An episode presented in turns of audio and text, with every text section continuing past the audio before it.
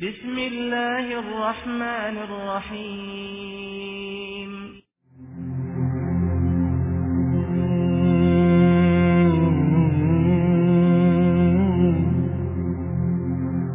امروز ادامه سوره مطففین است.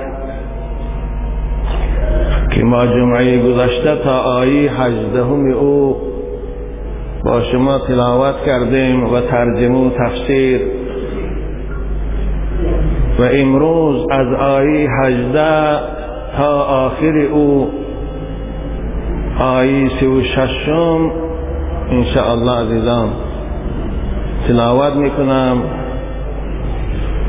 و ترجمه و تفسیر می‌کنم.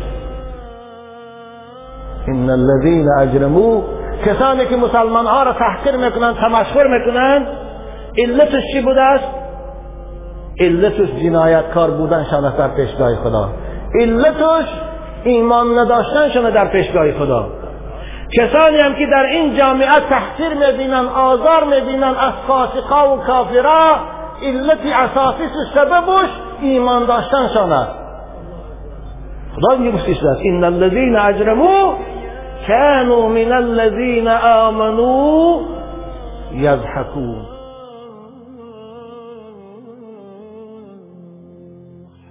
امروز این حاکم های ما تراشیدین ریش مسخره کردیان.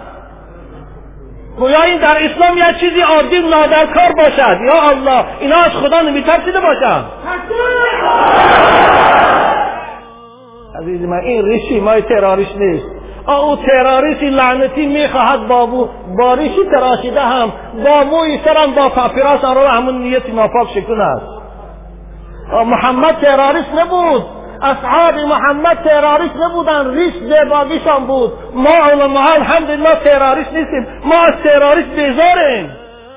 وقتی که تا هجده نماز نخواند تا هجده مسجد نرود تا هجده رفته دینگی بچه که شانزده ساله رو من جنازه کردم مرد. وای حالش چی بشه پیشگاه خدا دن و یکی از عذاب خدا خلاص می‌تونه.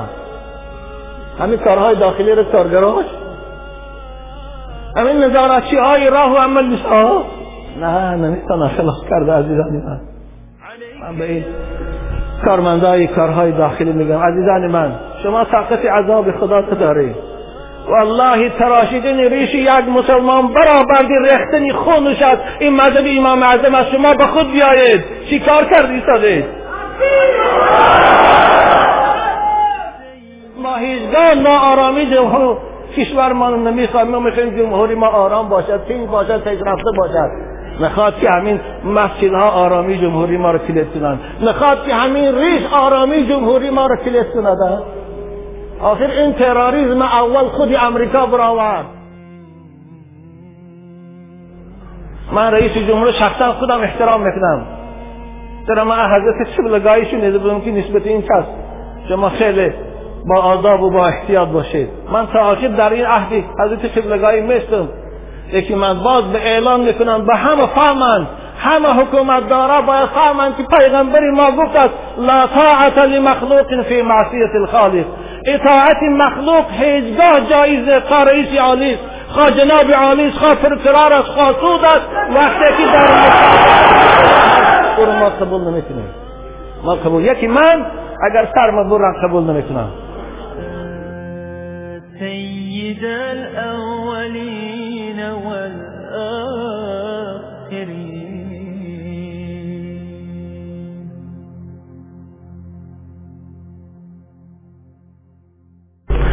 السلام عليكم ورحمة الله وبركاته. عاشقان مدرسه محمدی و زائران خانه خدا و نمازگزاران این عبادتی الهی اولا از خداوند مهربان برای همه شما و خاندان شما در این زمان فتنه و پرآشوب استواری در دین و توفیق بندگی و تنصحتی و خاطر جمعی و فراخی رزق و دوری از فتنه ها و بیماری ها از خداوند مهربان تمنا دارم. ثانیا دعا می‌کنم. هر مراد و مقصودی که داشته باشید خداوند و مقصودتان رساند. و قدم هایی که از راه های دور و نزدیک برای آمدن این مدرسه محمدی رنجه فرموده اید اجر جزیل و ثواب بزرگ نصیب گرداند. و فرزندان شما را عمر پربرکت و تنی صحت و آینده خوب و خوش و خدمت اسلام و ملت براشان نصیب سازد. و اسلام عزیز خداوند از مکر دشمنانش و حاسدان و کوردیلانش نگه دارد. امروز جمعه اول ماه ذوالقعده است. و عاشقان خانه خدا و زیارتچی های خانه کعبه و روزی مطهر آفتاب تابان رسالت برای این سفر دور و دراز آمادگی دارند و از ما التماس دعا نموده استادند خداوند عاجزانه دعا می‌کنم. سفری حاجیای ما را و حاجیای عالم اسلام آسان بگردان. و زیارت ایشان قبول درگاهت بفرما. و این سفر دور و دراز سبب آمرزش گناها و رفع درجات ایشان در پیشگاه با عظمت خودت بگردان. خداوند حج که قبول او وابسته به اخلاص زائران خانه خداست برای این زیارتچی ها حج مقبول. و حج که مکافاتش بهشت جاویدانی است خدایا بگردان. و کسانی که عاشق این خانه هستند و عاشق زیارت روزی رسول بزرگوار هستند و از سبب تنگ دسته ها نمی توانند به این آرزویشان برسند. خداوند تو هستی برارنده آرزوها و تو هستی آسان کننده مشکلها و تو هستی فراخ کننده رزقها این عاشقان خداوند مشکلاتشان آسان کن. رزقهاشان فراخ کن. اینها هم به زیارت خانه تو مشرف کردن آمین. خدایا اسلام عزیز در روی زمین غالب گردان. و نقشه های شوم دشمنان خدا را دشمنان اسلام دشمنان قرآن و محمد خدایا چون نقش روی آب نابود و مزمحل گردان. یا نعم المولا و نعم النصیر. آمین. آمین. امروز ادامه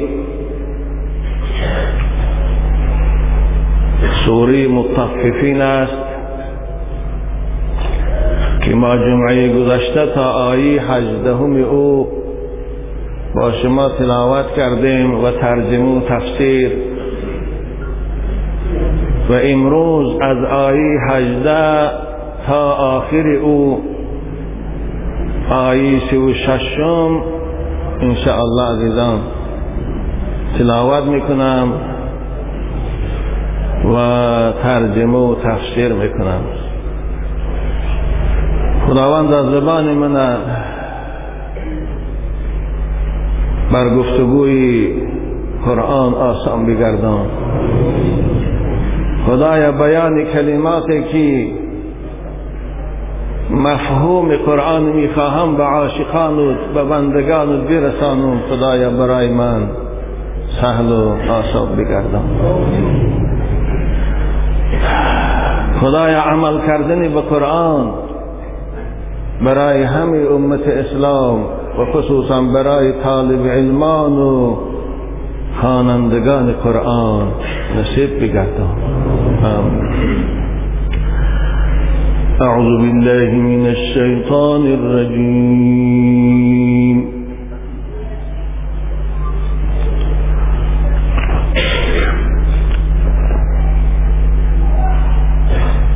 كلا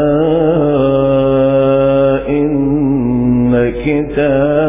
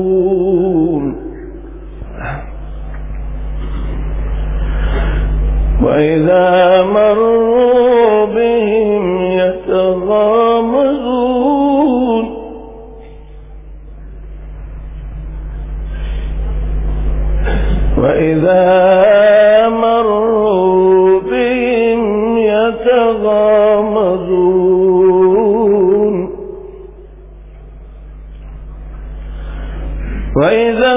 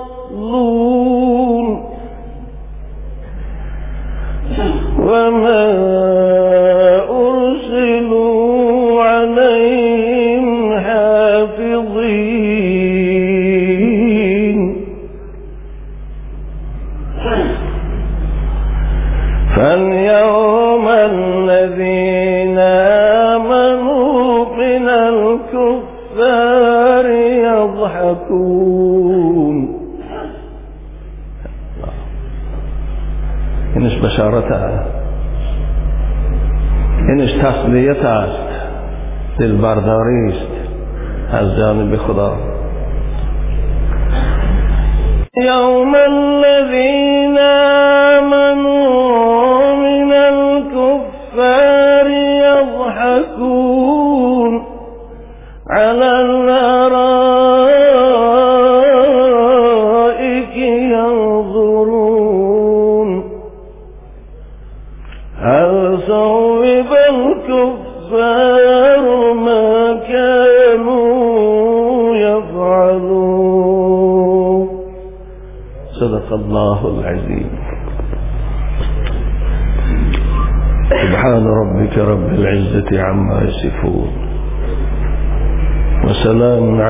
المرسلين. والحمد لله رب العالمين. خدای ثواب نایه های مبارکی تلاوت شده را همچون هدیه به روح حضرت قبلگاهی و مادر عزیز خود که برای به این حد به علم رسانیدن ما کوشش زیادی کردن همچون هدیه و توفه از جانب من برسان. و همه عاشقان مدرسه محمدی و کسانی که اخلاصی به این درگاه دارند و داشتند و در عالم قبر بعض اونها خواب راحت دارند. خدایا همچون هدیه برسان. آمین. گفتم سوره مطففین به چهار مقطع تقسیم می شود. درباره دو مقطع اول او این دو گروه از آیه های اول او تا آیه های هجده با شما صحبت داشتم. و امروز مقطعی سوم و چهارم این سوره یعنی آیه های گروه سوم و چهارم این سوره برای شما عزیزان انشاءالله ترجمه و تفسیر می شود.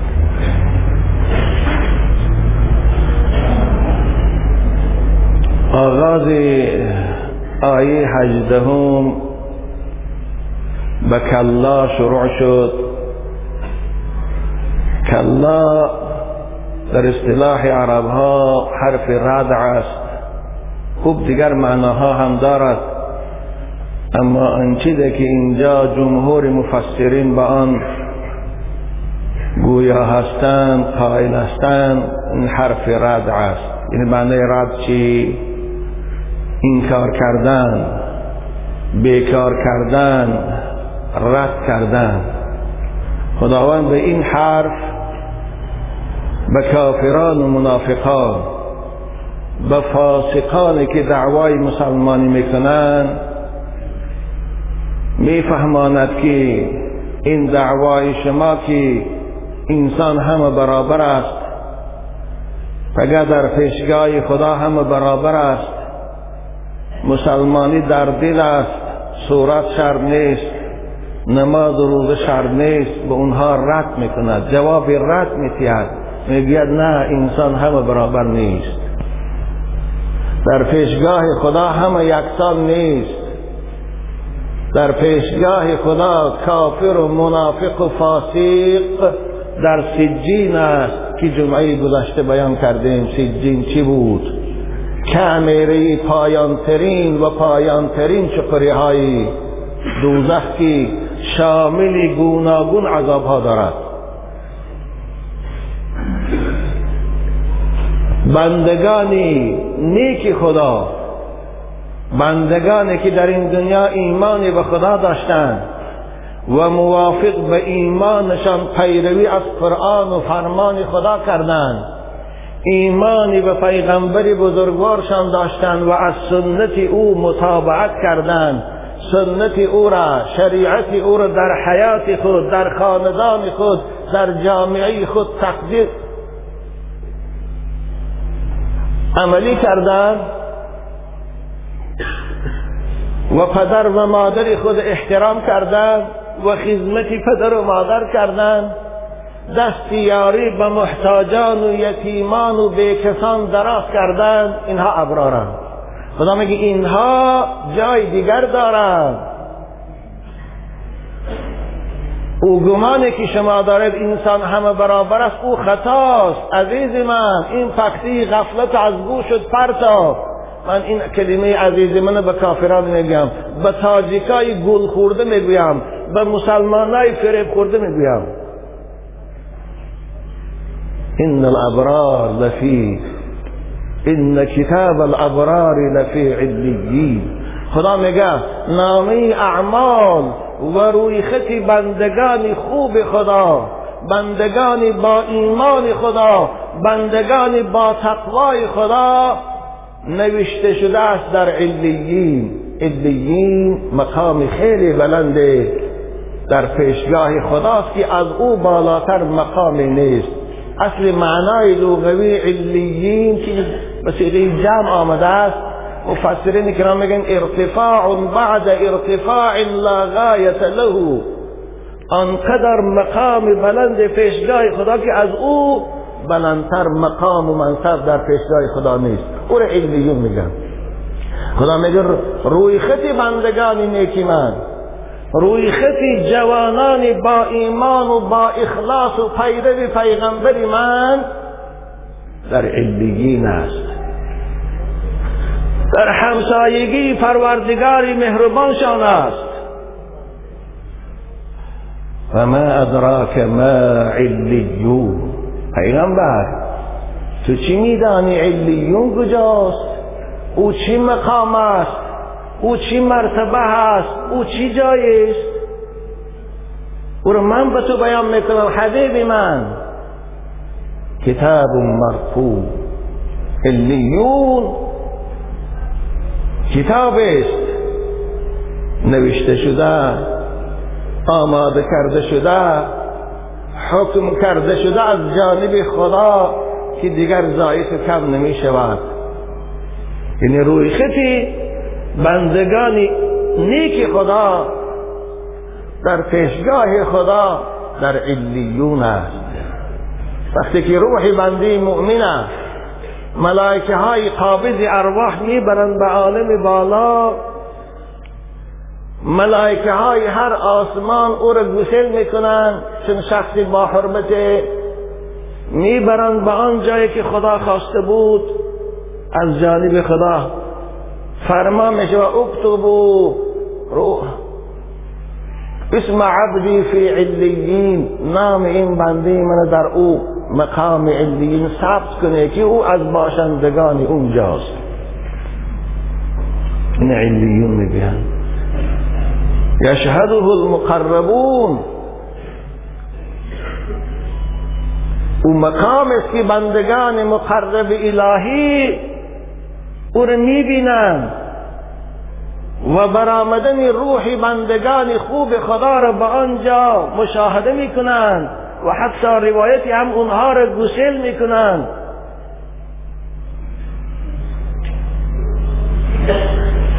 اشهده المقرب بنابر هیچگاه مؤمن با کافر یکسان نیست. هیچگاه شخصی با تقوا و صالح با فاسق و فاجر یکسان نیست. هیچگاه پیروی قرآن و سنت به او گمراهی که از قرآن و سنت نفرت دارد یکسان نیست. این از حکم خدا این از مفهوم این آیه مبارکه. خود در آیه ثانی خدا مقام و مرتبی ابرار کی روی خطی اونها در علیون است. در پیشگاه با عظمت خدا. کجاست و چی راحت دارند؟ چی آسایش دارند بیان می‌کنند عزیزان من توجه کنید.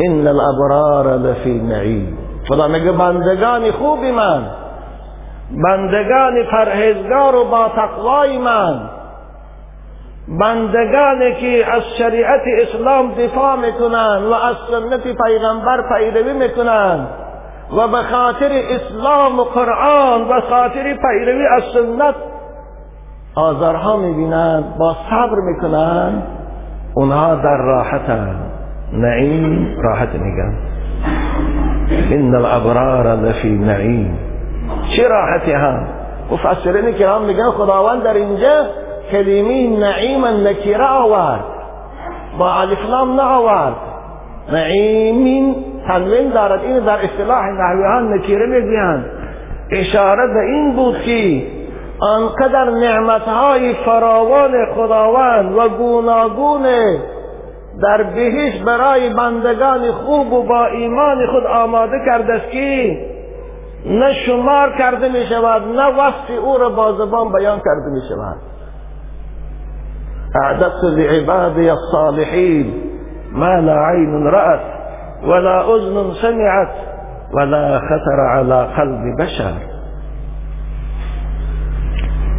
إن الأبرار لفي نعيم.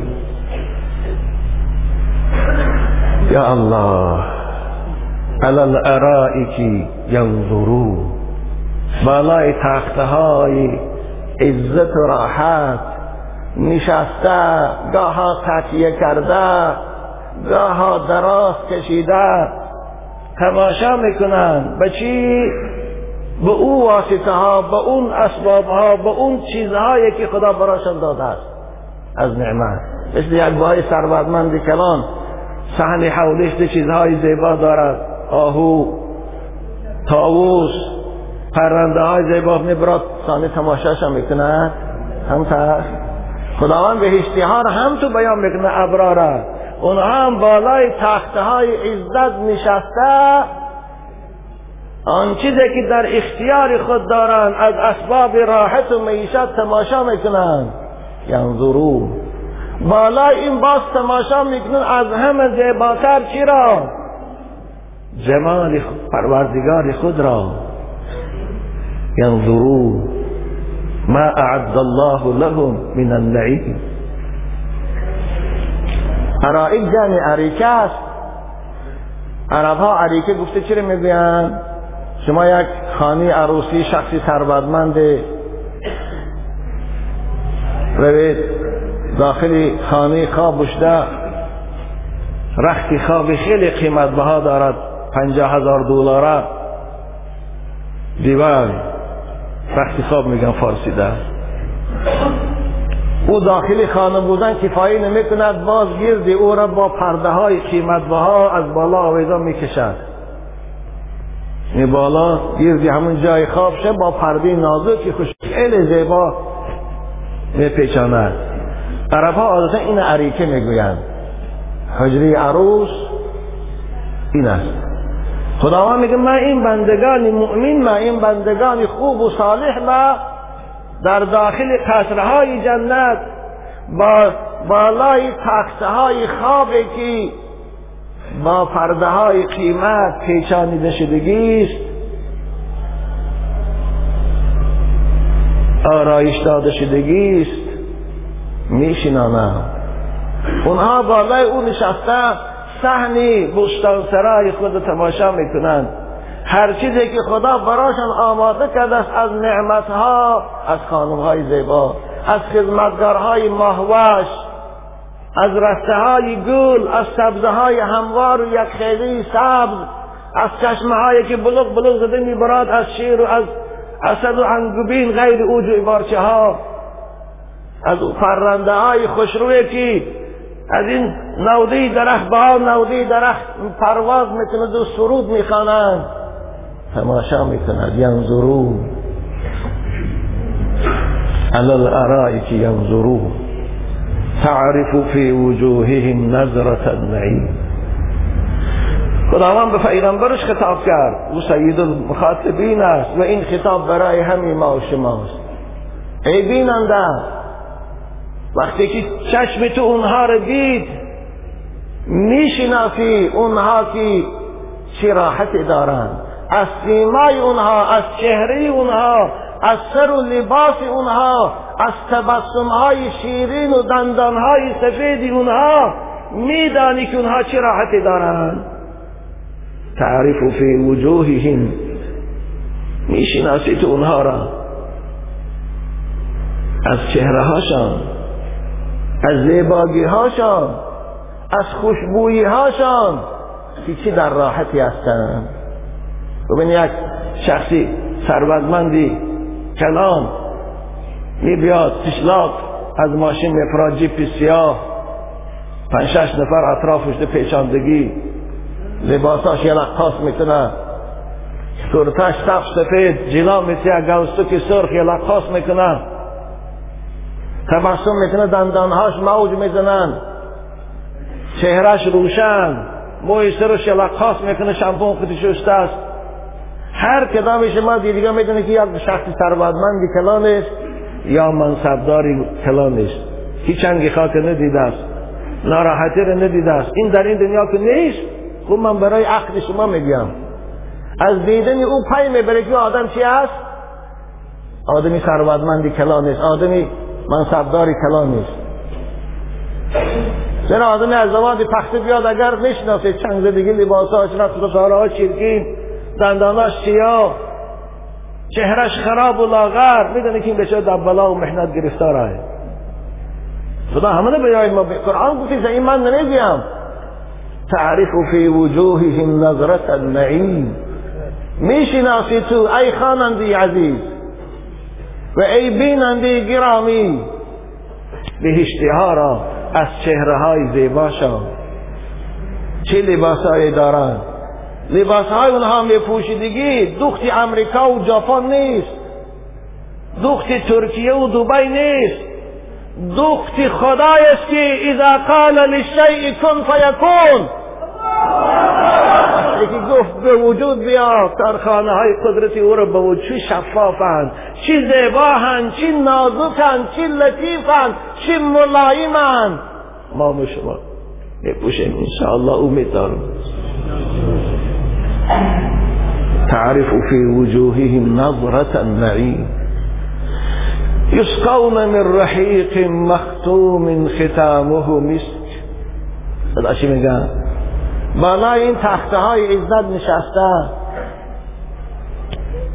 با این لباس های قیمت با این چهره نورانی زیبا خدمتگارها در اطرافشان دور میزنند. خداوند برای هر بهشتی خدمتگار اونجا آماده کردگی است. یطوف علیهم ولدان مخلدون. همین بایای دوزی دنیای ما. همین اندک منصب دارکای ما. همش در خانهشان پنج ده خدمتگار دارن. نه زناشان کار می‌کنن نه دختراشان. او کمترین بهشتی دو هزار سالینه را مسافه زمین به پادشاهی دارد. مگر او خدمتگار ندارد. اینا کسی خدمتگار های بهشت انکار کنه و کافر است. زیرا قرآن میگه یطوف علیهم ولدان مخلدون. اذا رأيتهم حسبتهم لؤلؤا منصورا. خدمتگارها می بیارن.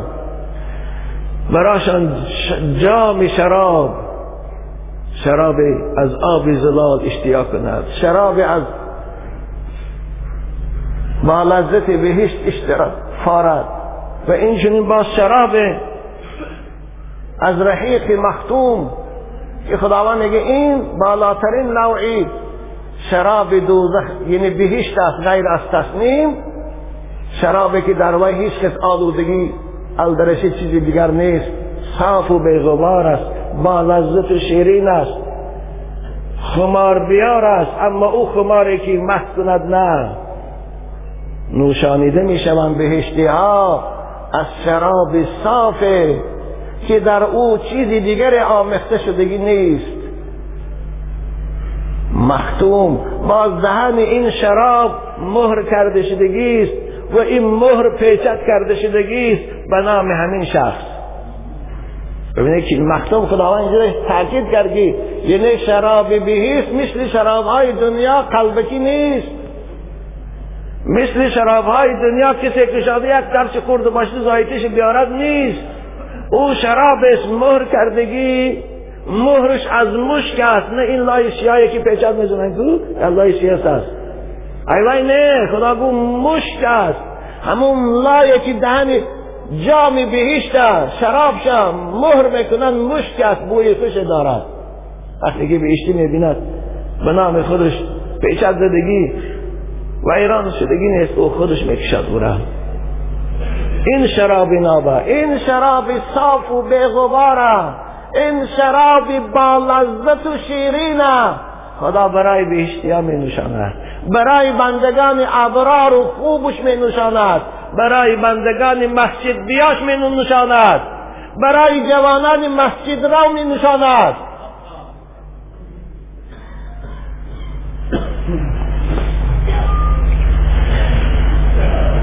ختامه مسك ببین. يسقون من رحيق مختوم ختامه مسك یا الله. مهرش از مشک است. شما کنورتر رو ببینید از برای میچسباند بالاش یه چیز سیاستی میریزدن سانی بالای اودو پیچد می‌کنه تا اینکه چی؟ شاده نشود. اما این پیچت اینا همش قلبکی است؟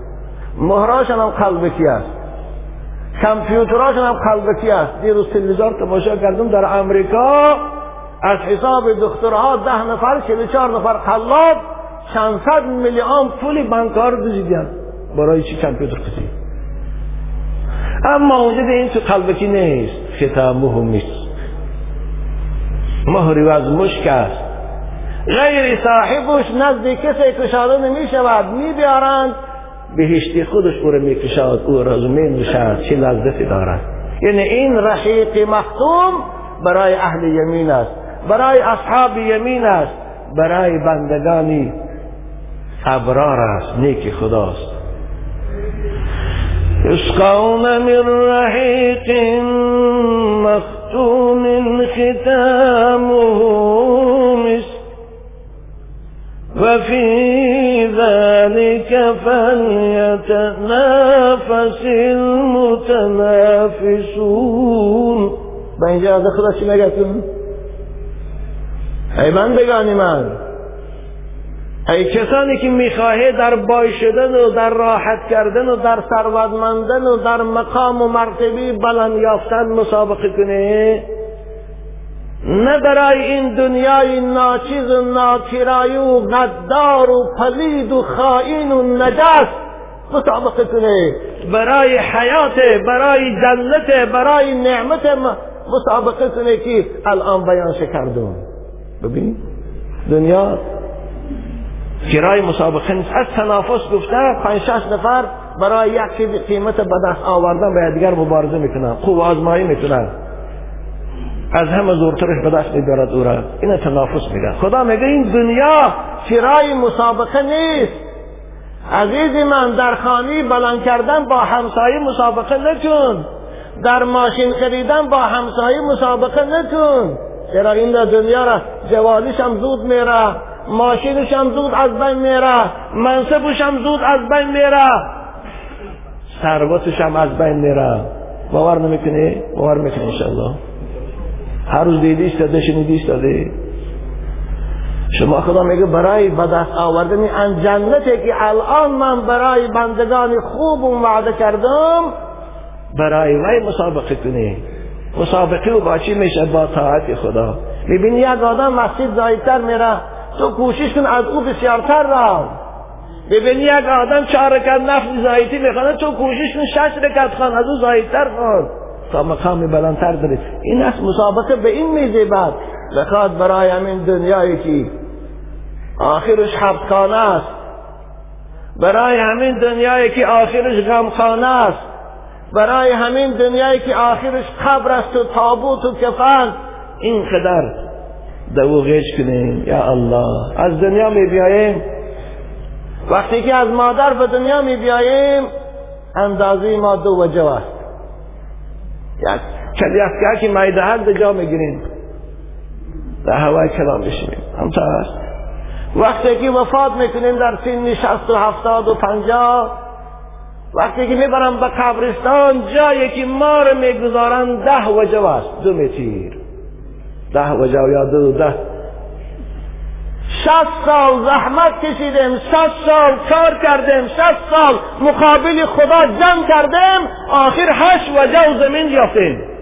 برای همین آدم کشتیم برای همین ظلم کردیم برای همین حقوق مردم پایمال کردیم. آخرش هشت وجه و ضعیف همین قدر آمدن دو, دو وجه و جا داشتیم وقتی رفتن دو متر جا میرین خواب میرین برای این آدم کشی ها برای این خونریزی ها برای این غارتگری ها برای این خیانت کنی ها برای این فریبگری ها یا الله میزه بدمی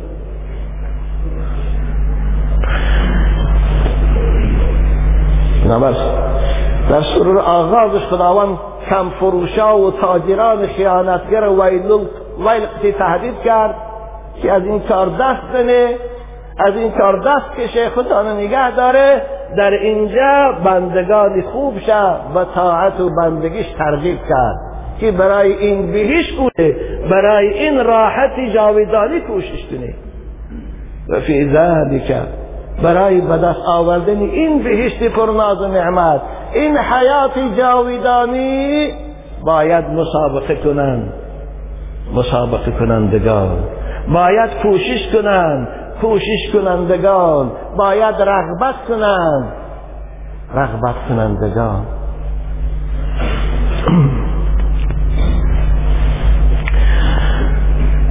و مزاجه من تسنیم. عینا یشرب بها المقرب. مزاج آمختگیری میگن. او رحیق مختوم او شراب خاصه که صاف و بیغباری که خدا برای بهشتی ها اصحاب یمین نوشانیده بود. باز یک لذت دیگری هم هست. یک لذت الاحیده دارد یک بوی الاحیده دارد. او کدام است؟ آمخته شدن و الدرش شدن از چشمه تصمیم تصمیم رسول اکرم پرسیدن چیست؟ حضرت گفتند با لذتترین و عالی قدرترین شراب بهشت تصمیم می‌گویند. در معنای تصمیم خود بلندی است. سنا مشتر گفته کوفانش می‌گویند. یعنی عالی ترین و قیمت ترین و با لذت ترین شراب جنت تصمیم است. چشمه اسلامش تصمیم خداوند در این جامعه که اصحاب یمین از شرابش می نوشند از همون تصمیم چی یک مقدار آمخته می‌کند تا به لذتش زایدتر شود. تا بویش خوشتر شود. طعمش خوبتر شود. تصمیم چشمه است که از او مقربان درگاه الهی می نوشند معلوم شد که بندگان مقرب درگاه الهی اونها خیلی مقام بلند دارن از اصحاب یمین. جنت همه یک مقام نیست. در بهیش همه به اندازه طاعت و بندگیش مقام میابد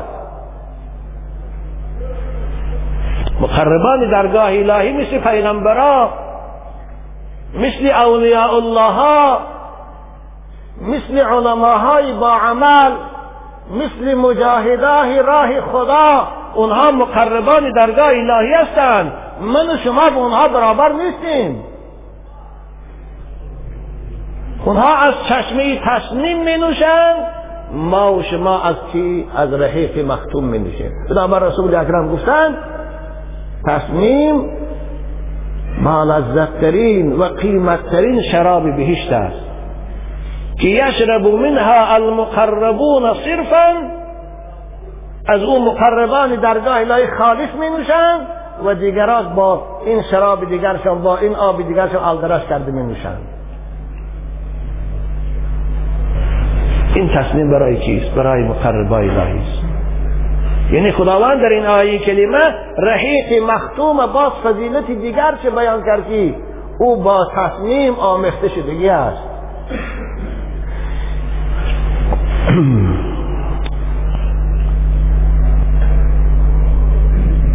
مقربان درگاه الهی خیلی مقام بلند دارند. أهل علیین اونها خیلی مقام بلند دارند. بنابر در یه حدیث رسول اکرم گفتن ان أهل الجنة لیرون أهل علیین كما يرى الكوكب الدري في افق السماء رواه البخاري بهشتها ما و شما. اهل علیین در منزلهاشان در قصرهاشان می‌بینیم مثل دیدن خردترین سیاره در فضا. من الان شب شما خیلی یک سیاری خیلی دوره می‌بینی چقدر خردکک میتابد؟ چقدر او دور است؟ اهل علیین از باقی مانده بهشتی ها ان همون قدر مقام و مرتبهشان بلند است. حتی در روایت داریم که ابو داود روایت وقتی که اهل علیین به بهشت تماشا می‌کردیم بهشت پایان نظاره می‌کردیم بهشت نورانی می‌شده است روشن می‌شده است. اهل بهشت میبین خدایا این چی نور است؟ فیقال گفته می‌شود این رجلا من اهل علیین اشرف علیکم. یک مرد از اهل علیین شما را تماشا کرد قرارگاه این نور نور اوست. لضیاء وجهه از سبب زیباگی روی او. ببینید چی مقام بلند داره علیین بنابراین باید ما و شما بندگان خدا کوشش کنیم از این گروه باشیم. خدا ما را به این مسابقه دعوت کرد. نه به مسابقه پول جمع کنی نه به مسابقه منصبیابی نه به مسابقه خانه کنی و ماشین خرید مع الاسف همه ما باشیم در این دام دنیا مبتلا شدیم. مسابقه خانه کنی مسابقه ماشین خرید حتی مسابقه کسان برو پوشی است اگر رفیق من کسان برو که صد دلار ما دو صد دلارش می‌خریم؟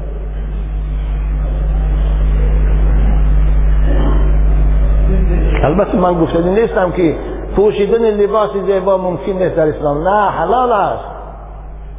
چگونه برای لباس زیبا مسابقه می‌کنی با همسایت؟ چگونه برای خانگی کردن مسابقه می‌کنی؟ چگونه برای ماشین خریدن مسابقه می‌کنی عزیزی من؟ با دوستای خدا هم مسابقه کن در طاعت و بندگی. تا که مثل اونها فقط مقام یابی. مقصدی من این است. و الا خدا حرام نکرده است. قرآن میگه قل من حرم زینت الله التي اخرج لعبادی. لباس زیبا ماشین خوشرو همسر زیبا خانی زیبا حلال است. وقتی که از مال حلال باشد خوب این آیه های گروه سوم بود که پروردگار بندگان نیک و صالح و خوب خدا قرارگاهشان و اسباب راحتشان و معیشتشان برای من شما بیان کرد. اکنون مقطع چهارم این سوره آیه های گروه آخر این سوره عزیزان من چگونه است؟ درباره چی بحث می‌کند وقتی که این آیه ها رو می‌خوانیم به معناش توجه می‌کنیم خیال می‌کنیم که همین روز نازل شده است. و یا قرآن این آیه ها را همین روز از جانب پروردگار برای ما خدا فرستاده است. ببینید زیرا که درد امروزی ما و شما عالم اسلام بیان می‌کنند. إن الذين أجرموا كانوا من الذين آمنوا يضحكون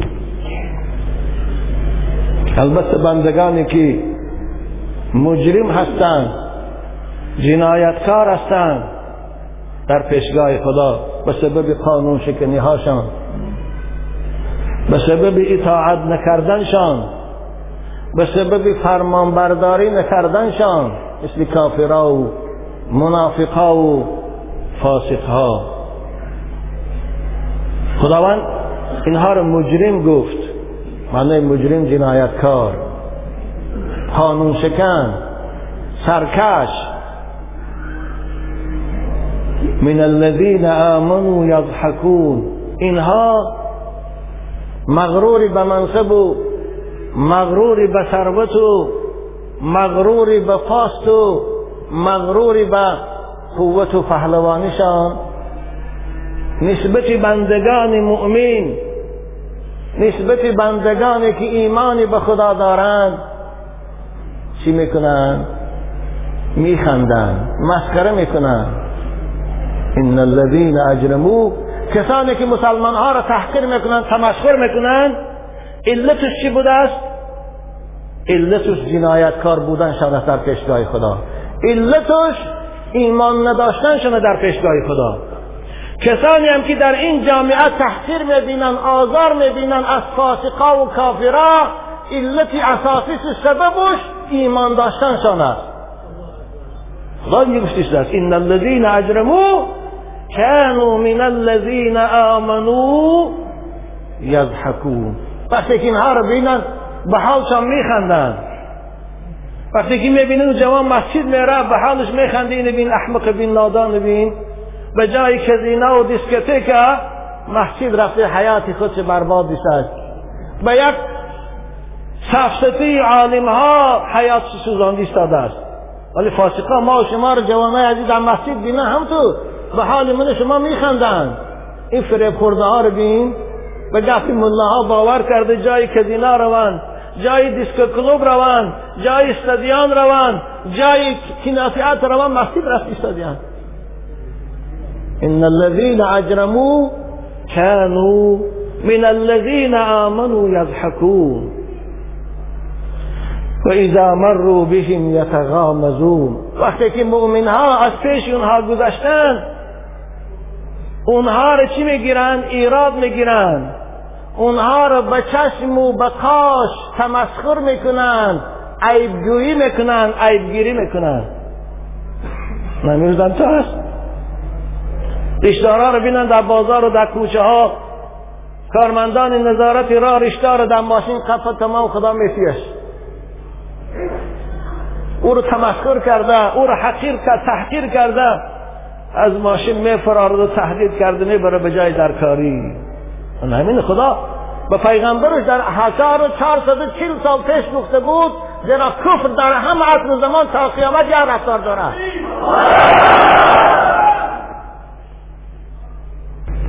إن الذين أجرموا كانوا من الذين آمنوا يضحكون. مفسرین کرام میگن آیات در حضرت علی رضی الله تعالی عنه نازل شد. بار حضرت علی چند نفر از یاران خود کتی میگذشتند به مسجد پیش پیغمبر خدا می‌رفتند یک گروهی از منافقا که در صحنه دیوار نشسته بودند. در سایه دیوار حضرت علی را با چشمشان و با کاشاشان مسخره کردند. او کردند. حضرت علی پروای نکرد و مسجد پیش رسول اکرم آمد. جناب من به شما صبر حضرت علی رو دعوت می‌کنم. مثل علی صابر باشید. و الا علی می‌تونید همونجا یک اصل عمل نشان اما نکرد. پیش پیغمبر خدا آمد.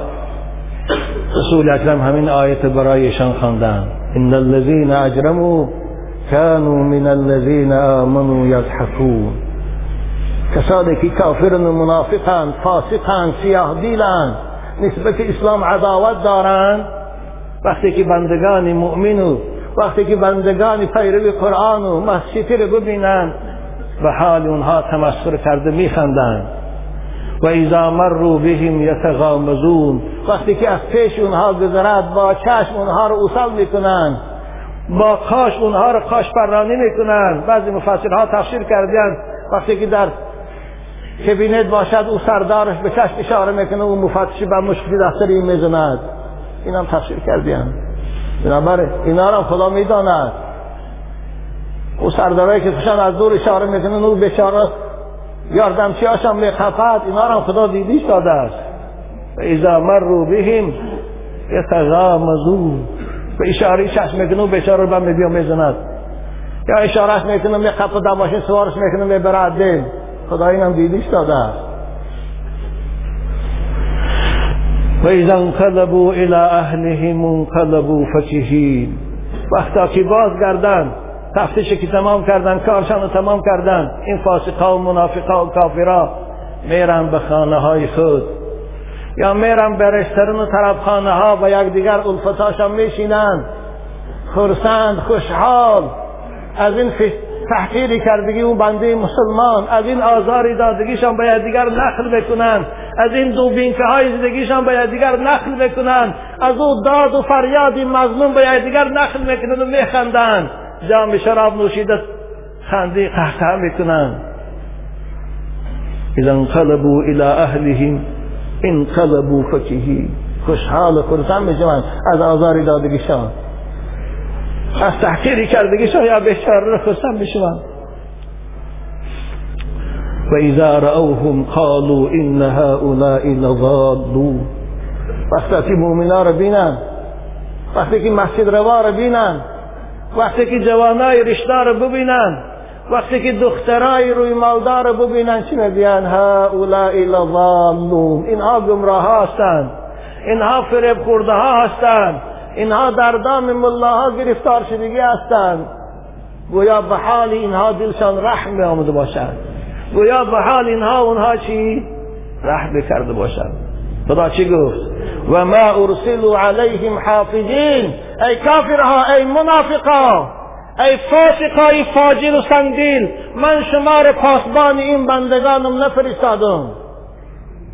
شما وظیفه دار نیست اینها را راهی بخواستگیتان نشان تهید راهی نجات راهی من خودم نشان دادگی از خدا می‌گوید راهی نجات راهی پیغمبر اومد. شما را من از این بندگانم نمی‌پرسم. و ارسلو فرستاده نشدن اینها این کافرها و فاجرها علیهم بر بالای مؤمن مسلمان ها نظارتچی و پاسبان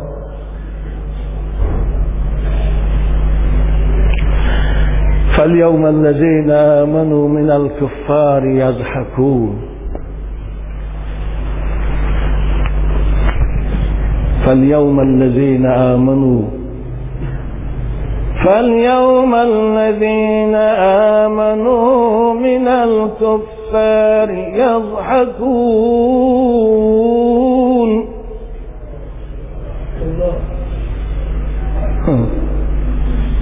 روز قیامت می شود مراد از الیوم روز قیامت است. روزی که ما هم میریم شما هم میرید. این ریشتراشا هم میرن. این روی مال از سری دخترای مسلمان می‌گرفته هم میرن. حاکماشان هم میرن. نارفته علاج ندارن. سرکشانه که همه کردند دعوای منی. دیدمش در ملک خاموشان که مشتی خاک شد. فاليوم الذين آمنوا من الكفار يضحكون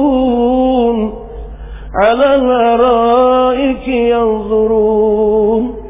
هل صوب الكفار ما كانوا يفعلون؟ روز قیامت بندگان مؤمن با ایمان بندگان خوب خدا بندگان پیرو قرآن و شریعت اسلام بالای تخته های عزت بالای تخته های شاهانی بهش می نشینند و به حال این ظالما و کافران می خندند خداوند کامیره ها موندگی است تلویزیونهای کلان. در دوزخ وقتی که این ظالما و کافران مفتشا الهی عذاب می‌کند وقتی که دوزخ اینها را میسوزاند اونها در تلویزیون در با پیش تخشان دیده به حال اینها با میخندند. چگونه که امروز اونها به حال ما میخندند؟ عزیز من تو صبر کن فردا ما و شما به حال اونها میخندیم. خدا گفت ایستاده است. فالیوم الذین آمنوا. امروز بندگان مؤمن در بستان سرای به بالای تخته های عزت نشسته. به حال این کافرا و منافقا میخندند علی الارائک ینظرون عذاب اونها رو می‌بینند داد و فریاد اونها رو میشنوند به حال اونها میخندند چگونه امروز اونها به حال ما میخندند چگونه اونها از عذاب دادن ما لذت می‌برند ما هم فردا از عذاب دادن مفتشای خدا اونها رو لذت می‌بریم. همینی میگه این سوره متفقین؟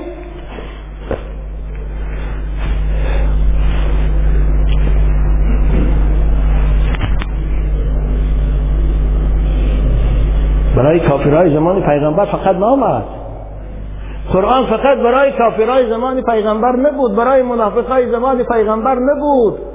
خداوند قرآن تا روز قیامت دستور العمل هر فرد مسلمان فرستاد. و هر عصر و زمان او احوالش حادثاتش افاده می‌کند و بیان می‌سازد. فالیوم الذین آمنوا من الكفار یضحکون بنابر این آیه را مفسرین کرام میگن چی؟ این تسلیت است این دلبرداری است. بنابر عزیزان ما وقتی که آزار می‌بینی صبر کنی. وقتی که تحقیر میشنوی صبر کنی مقابلت نشان ندهی.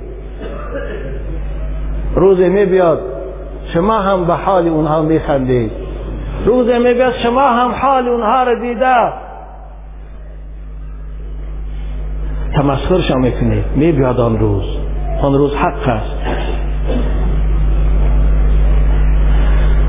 آخر سوره به چی تمام می شود هل صوب الكفار ما كانوا يفعلون هل صوب الكفار ما كانوا يفعلون؟ خدا میگه آیا جزا داده شدن این کافرها این منافقها به او کار و کرداری که در دنیا کردن؟ اینه برای این رفتارشان جزاشان دیدن؟ برای این جنایتشان در پیشگاه خدا عذاب شد. چشیدن؟ آره چشیدن.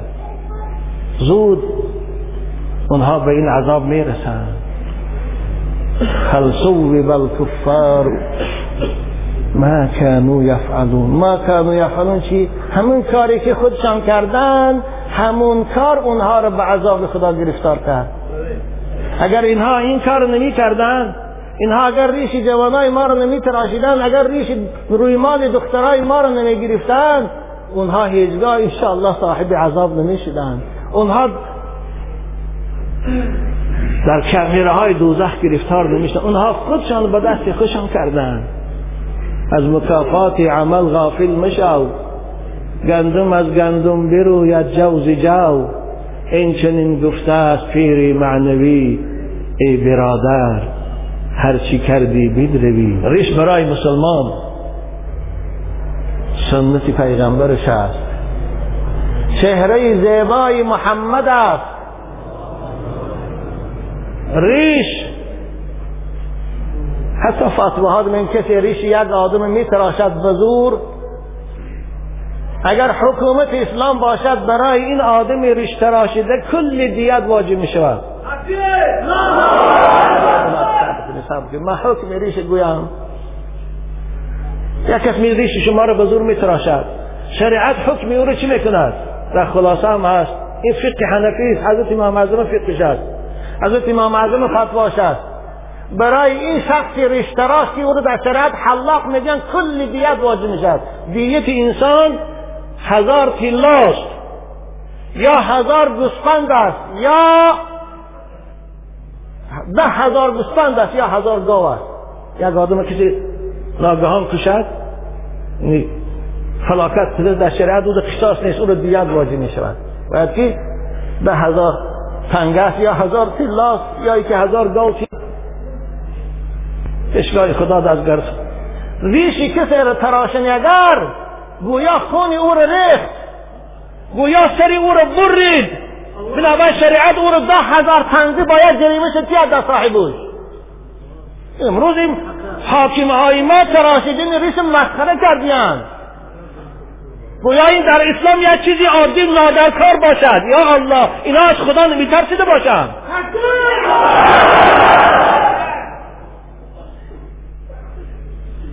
من به این کارمندای کارهای داخلی میگم. عزیزان من شما طاقت عذاب خدا تو داره والله تراشیدین ریش یک مسلمان برآوردی رختنی خونش از این مذهب امام اعظم از شما به خود بیایید. چی کار کردی ساده؟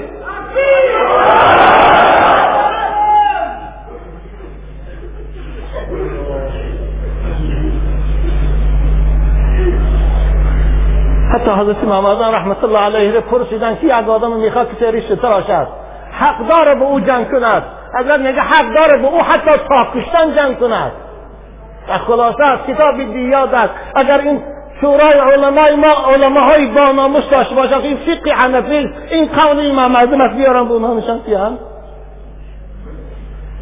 عزیز من این ریشی مای تراریش نیست. او تراریشی لعنتی می‌خواهد با باریشی تراشیده هم با موی سرم با پاپیراس رو همون نیت نافاق شکند محمد تراریست نبود. اصحاب محمد تراریست نبودن. ریس زیباگیشان بود. ما علماء الحمدلله تراریست نیستیم. ما از تراریست بیزاریم. ما کسی می‌خواهد مسلمان خیانت کند در خانهش و در ملکش و در آرامش ما از او بیزار هستیم. نخواد که ریش نشانی تروریستی باشد. نخواد که تاکیچی سفید نشانی تروریستی باشد. یا الله وقتی که از تاقیچی سفید عزیزان من شما نفرت داره از کفنی سفید هم نفرت کنه کفنات و نشانی سرخ کنه نباشد. پیغمبر خدا بهترین لباس مسلمان لباس سفید است.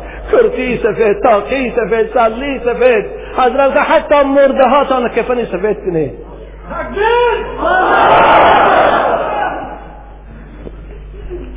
تا چی؟ ریش ممکن نیست. وقتی که من چیلد نرسیده مرم وقتی که این جوانا چیلد نرفته مرم پیغمبر خدا اینا رو چی نگوید پیغمبر خدا اینا رو شفاعت می‌کند یا نه؟ نه نمی‌کند. پیغمبر امتی ریش تراشیده شد والله شفاعت نمی‌کند.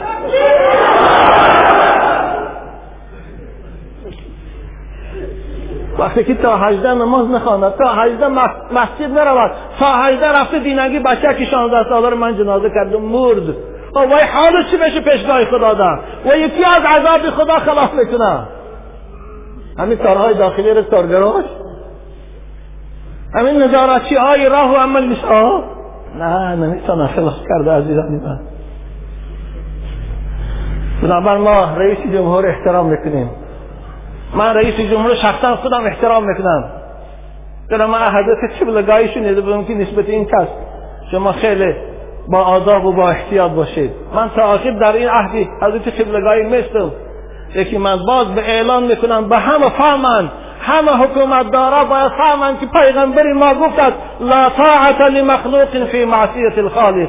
اطاعت مخلوق هیچگاه جایز نیست رئیس عالی خواه جناب عالی است خواه پرقرار است خواه سود است وقتی که در او رو ما قبول نمی‌کنیم. ما قبول یکی من اگر سرم برم قبول نمی‌کنم. ما مسلمان هستیم. خون ما خون مسلمان است. ما هیچگاه ناآرامی جمهور کشور ما نمی‌خوایم ما می‌خوایم جمهوری ما آرام باشد تین باشد پیشرفته باشد. نخواد که همین مسجدها آرامی جمهوری ما رو کلید کنند نخواد که همین ریش آرامی جمهوری ما رو کلید کند آخر این تروریسم اول خودی امریکا برآورد والله همون القاعدی بدبخت هوای خودش تربیه کرد به افغانستان سرداد در زمان شوروی نه القاعده بود نه تروریست بود نه تروریسم بود اینها از کجا پیدا شدن اصطلاحات من امروز حال ما است. امروز وقتی که شب این آیه مبارکه رو میخواندم آب دیدم میریخت به خدا من مراجعت کنم خدایا ما از دست من چیزی نمیبیاد من همون دعای حضرت نوح به تو بکنم رب اینی مغلوب فانتصیر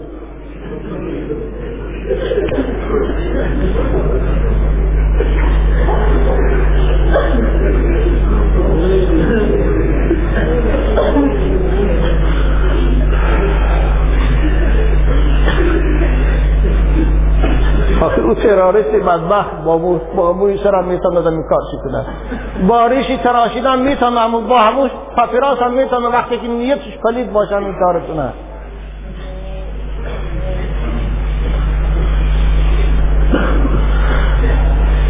و به همه شما من خطاب می‌کنم. بچه های عزیز شما یگان کاری جنایت دست نزنید. فقط صبر کنید. صبر کنید. خوب ریشاتان میتراشن. تحقیرتان می‌کنن. اگر یگان کار خلاف قانون کنید ما از شما همچون پیشوا راضی نیستم. صبر کنید. انشاءالله آخر غلبه بر اسلام است. مثل که خداوند حزب کمونیست از جامعه دست کرد و پرتاست دست می‌کنید میپرتاست شما یک یگان کار خلاف قانون دست نگیرید. مون ریشاتون میتراشن گریه کنید به خدا مراجعت کنید. مون روی مالای دختراتان گیرن. چیکار اصل عمل نشان نده به خدا مراجعت کنید خداوند خودش. خدا خودش اینا رو دیده است ما رو دیدیش است. خدا انتقام مظلوم از ظالم نگیرد. وقتی که کاری را در پیشی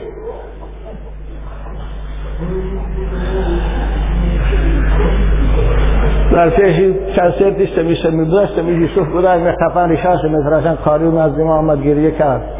منم دادر عزیز صبر کن انشاءالله خدا خواه ثواب می‌گیری یگان کاری دیگر دو دست نزن باز میگم از شما عزیزان بچه های خوش رو خوب شما می‌تونه به رئیس جمهور شکایت کنی خدا خیر رئیس جمهور از این خبر ندارد من باور دارم شما می‌تونی بر رئیس شورای عالم محمد سید عبیدالله شکایت کنید شما به سود و پرکرا شکایت کنید از روی این ملیسه که ریشاتان میتراشن شما را حقارت می‌کنن شما را تحقیر می‌کنن مراجعت کنید قانونی مراجعت کنید انشاءالله فریاد شما به یک جا می‌رسند اما گفشان نگیرید ریشاتان تراشیدن با مونه با برود تاقیاتان گرفتن فردن با تاقی نمونید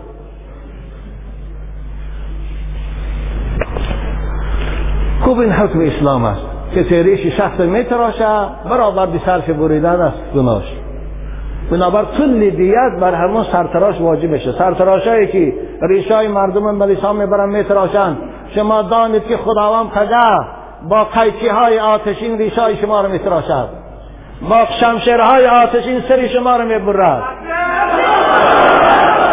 مولانای روم می‌گوید ما رو کجدم می‌شود کرداری تو. می دراند از غضب اعضای تو. هل صوب الكفار ما كانوا يفعلون.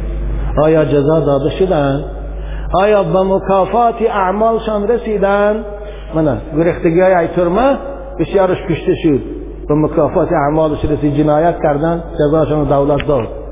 مانند اینم جنایتکارای پیشگاه خدا قانون شکناشم.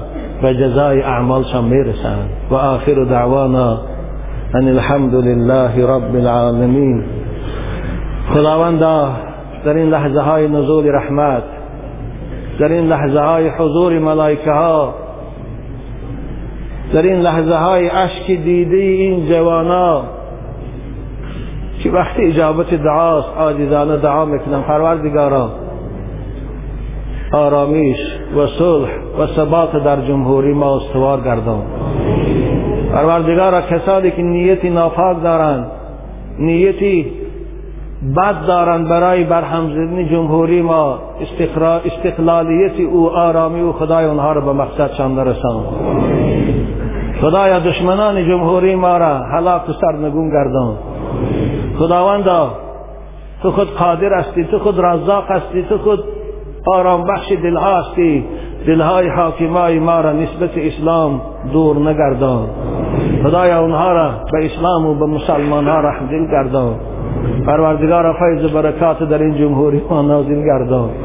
خداوندا آفتهای ناگهانی را بلاهایی که مثل سیل زمین جوهای امروز اورافت مبتلاشان کردی از سبب بد کرداری هاشان خدای جمهوری ما را از این بلاها نگه دار. پروردگارا بیمارای امت اسلام خصوصا بیمارانی جم آشخان مدرسه محمد را شفای کامل نصیب فرما. به فرزنداشان و فرزند صالح نصیب گردان. پروردگارا تاجراشان و در تجارتاشان برکت عطا فرما. دهقانا و چارواداراشان در کسب و کارشان برکت نصیب گردان. مسافرای ما را خدایا در کجایی که نباشند در مسافرت ها سلامت دار. اکنون وقتی بازگشتی به وطن شده است. خدایا همیشان سلامت. به وطنشان بازگردان. آمین یا رب العالمین. الحمد لله. الذي جعل محبته في صدور وكدر حالهم بظلمة الافتراق وروح حالهم بهذا الاحتراق ما عندكم ينفد وما عند الله باق وأشهد أن لا إله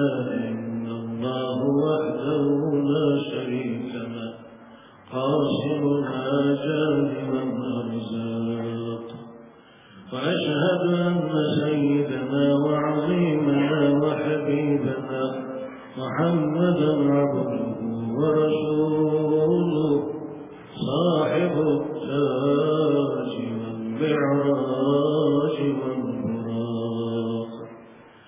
صلى الله تعالى